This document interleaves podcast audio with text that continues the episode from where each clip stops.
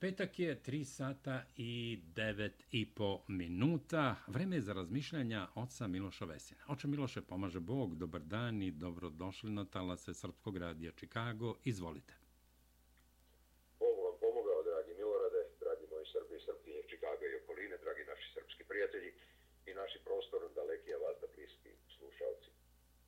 Pre svega, neka je blagosloven današnji praznik, praznik Svete Majke Angeline, despotice srpske, koju srpski narod evo već vekovima naziva upravo tako, naša majka Angelina, dokazujući zapravo stepen bliskosti koju je ona ostvarila sa srpskim narodom u tim veoma, veoma teškim vremenima. Ona inače bila supruga despota Stefana, sina despota Đurđa Brankovića, poslednjeg vladara pred pad despotovine i a, Svetog Jovana i Maksima i Đorđa, zaista a, srpskih visina u ono vreme i u duhovnom i u a, državničkom, ali i u a, književnom pogledu.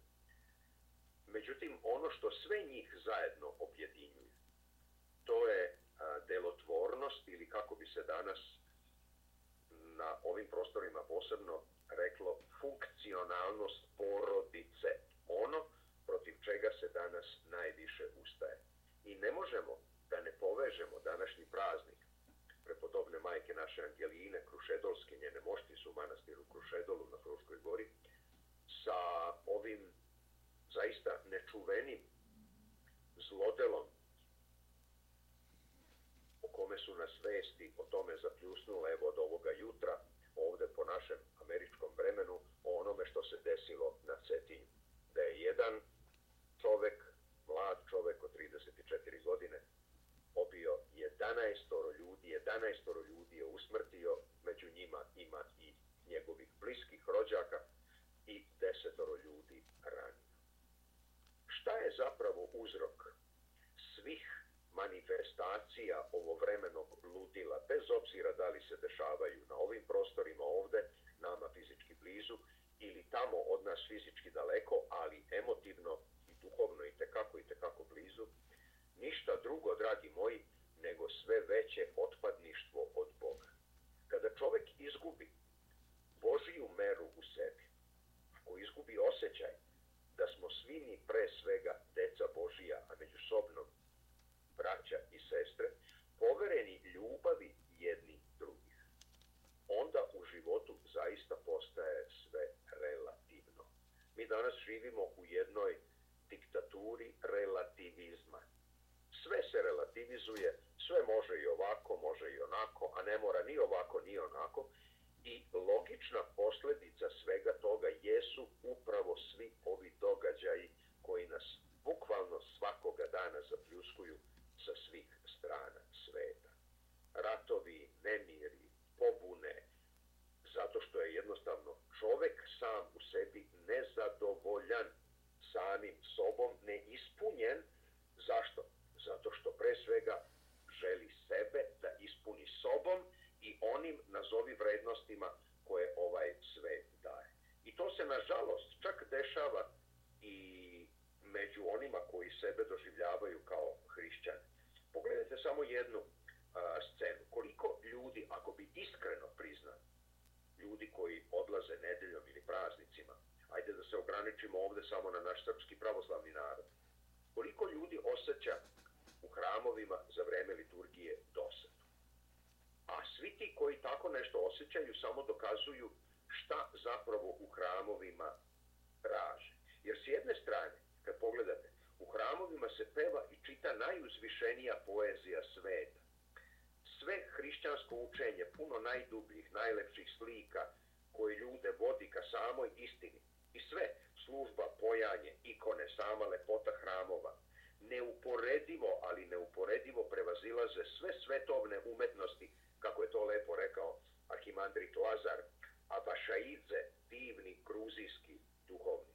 I kakva su jadna vulgarnost, kakav primitizam i prah ideje, misli, osjećanja koje svet opeva u svojoj takozvanoj svetskoj poeziji ili na svojim scenama i koji su to ideali lepote i koje su to vrednosti koje savremeni čovek slika ili reklamira.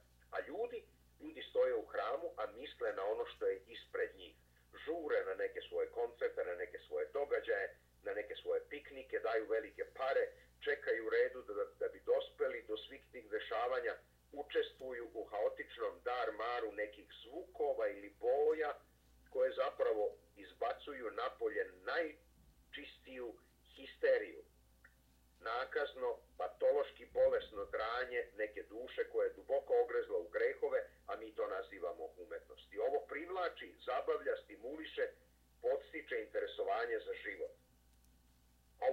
ne znamo kuda se denemo. Samo što ne podnemo u nesvest od iznemoglosti, od nestrpljivosti da se što pre iščupamo i pobegnemo u taj veseli vihor svojih jadnih, ispraznih, malih, nikakvih životića. S jedne strane ovde sve likuje u hramu, zove u visinu, prema onoj lepoti koja bi se samo mogla poželeti, a mi, kao domaće one otežale patke, niti jednim jedinim krilom ne možemo da mahnemo, nego samo stenjemo i pribijamo se sve više i više uz zemlju.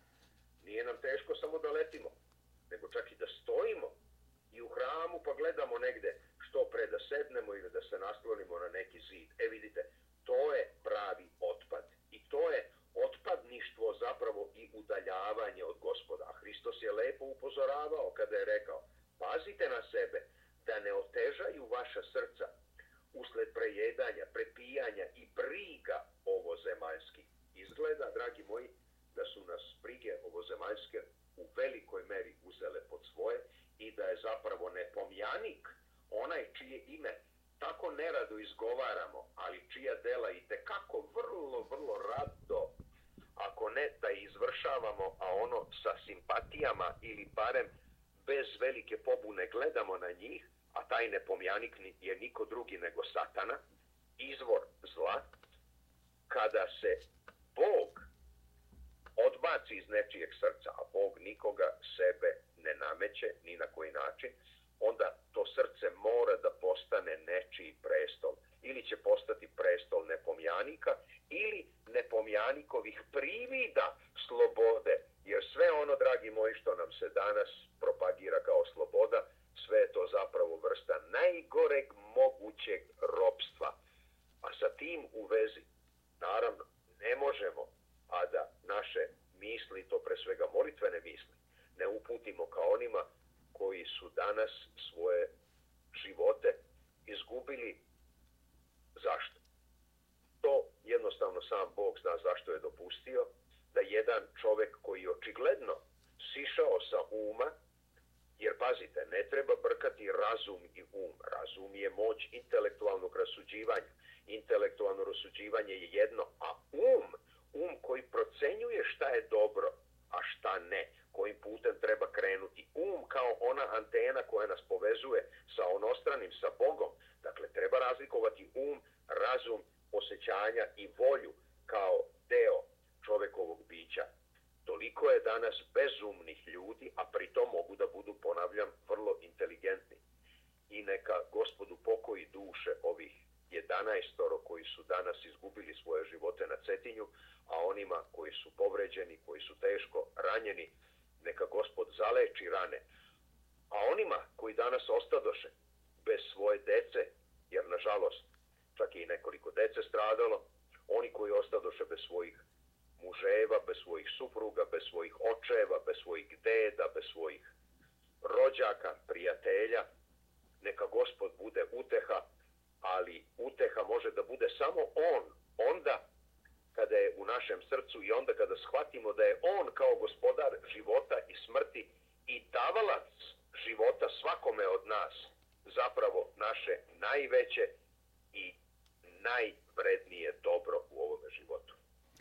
Oče Miloše, evo za kraj, ako možete kratko, imali smo nekoliko pitanja na tu temu, s obzirom da smo i u prošlog petka govorili o nekim a, zaista tužnim dešavanjima. Kakav je odnos Srpske pravoslavne crkve po pitanju institucije eutanazije? Ja bih to nazvao a, milosrdno ubistvo ili, ili milosrdna pomoć pri odlasku sa ovog sveta, već ne znam kako bismo to blago definisali. To je kontradiktornost već u samome pojmu. ovde bi se to reklo a, oksimoron ili a, contradictio in adjecto, kako bi stari latini nazvali tu pojavu. Znači, ne može da se govori ni o kakvom milosrđu i o prekidanju nečijeg života. Sve bi po hrišćanskom gledištu trebalo prepustiti Bogu. Bog je tvorac života i Bog jedini ima gospodar nad svakim od nas. Ljudi vrlo često danas, zahvaljujući tehnološkim izumima, i to pre svega u oblasti medicine, pokušavaju da izigravaju Boga, da oni budu taj Bog i da odlučuju koliko će neko da živi i kada će preći oni onu granicu. Svakako da postoje vrlo, vrlo, vrlo teške, one, one potpuno, potpuno a, krajnje situacije koje ljudski razum ne može da pojmi, čak ni ljudski intelekt, a, i gde se čini da bi prekraćivanje svih muka bio možda najbolji odgovor. A ja ću vam odgovoriti indirektno, kroz jedan primer, jer primeri su uvek najbolji a, dokaz.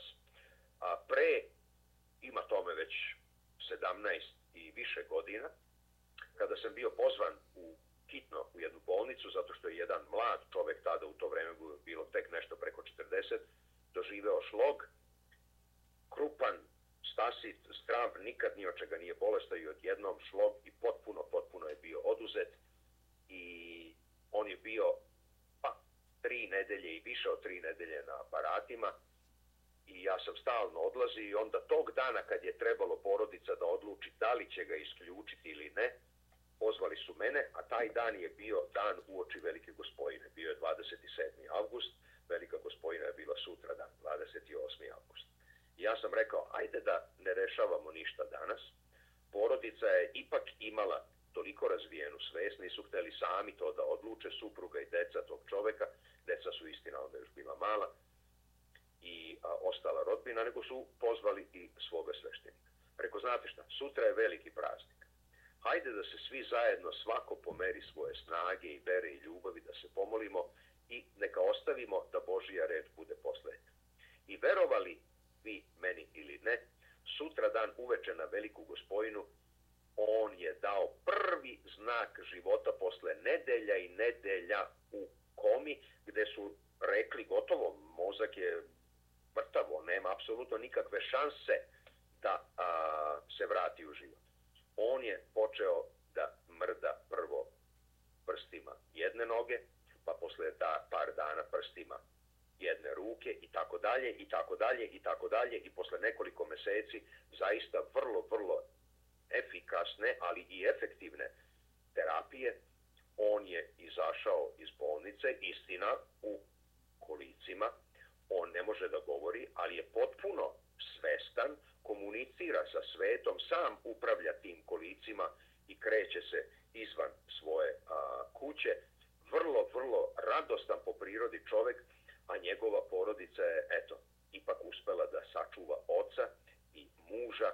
On je, Bogu hvala, umeđu vremenu postao i deda, radosni deda i zaista blagodari Bogu. Jeste, nije, nije lako biti u takvoj situaciji, ali čovek je svestan čovek može da primi ljubav, čovek daje ljubav, on se hrani na poseban način, ali tu je među nama i vi kada bi videli lice tog čoveka, on toliko zdravo i sveže izgleda i toliko normalno rezonuje, on ima jedan aparat pomoću koga komunicira sa ljudima ili ima onu tablu gde slaže slova i reči i rečenice i tako dalje.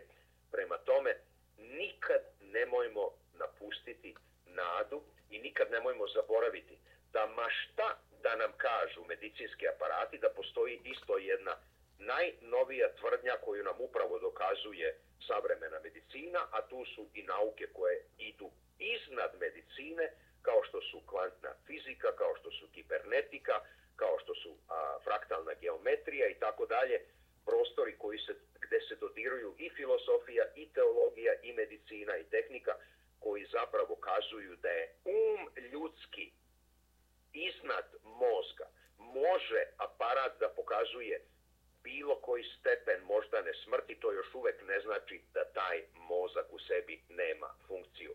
A posebno ostaje pitanje da li je čovek zaista medicinski mrtav onda kada prestane da radi mozak ili kada prestane da radi srce. Ni medicinari se oko toga još nisu složili. Prema tome, uvek hrišćanski odgovor je ostaviti Bogu njegovu reč, neka njegova bude poslednja reč, jer ljudi u tom trudu, u toj brizi koja je normalna, koja je opravdana, sve se to čini iz ljubavi, a, danas preopterećuju pacijente za koje se vidi kakav će biti ishod. Preopterećuju ih razno raznim substancama koje onda na veštački način održavaju te ljude u životu. Umesto jednostavno neka se pusti da prirodan tok stvari pokaže svoj rezultat. U svakom slučaju, u svakom slučaju, nama je uvek žao svake osobe.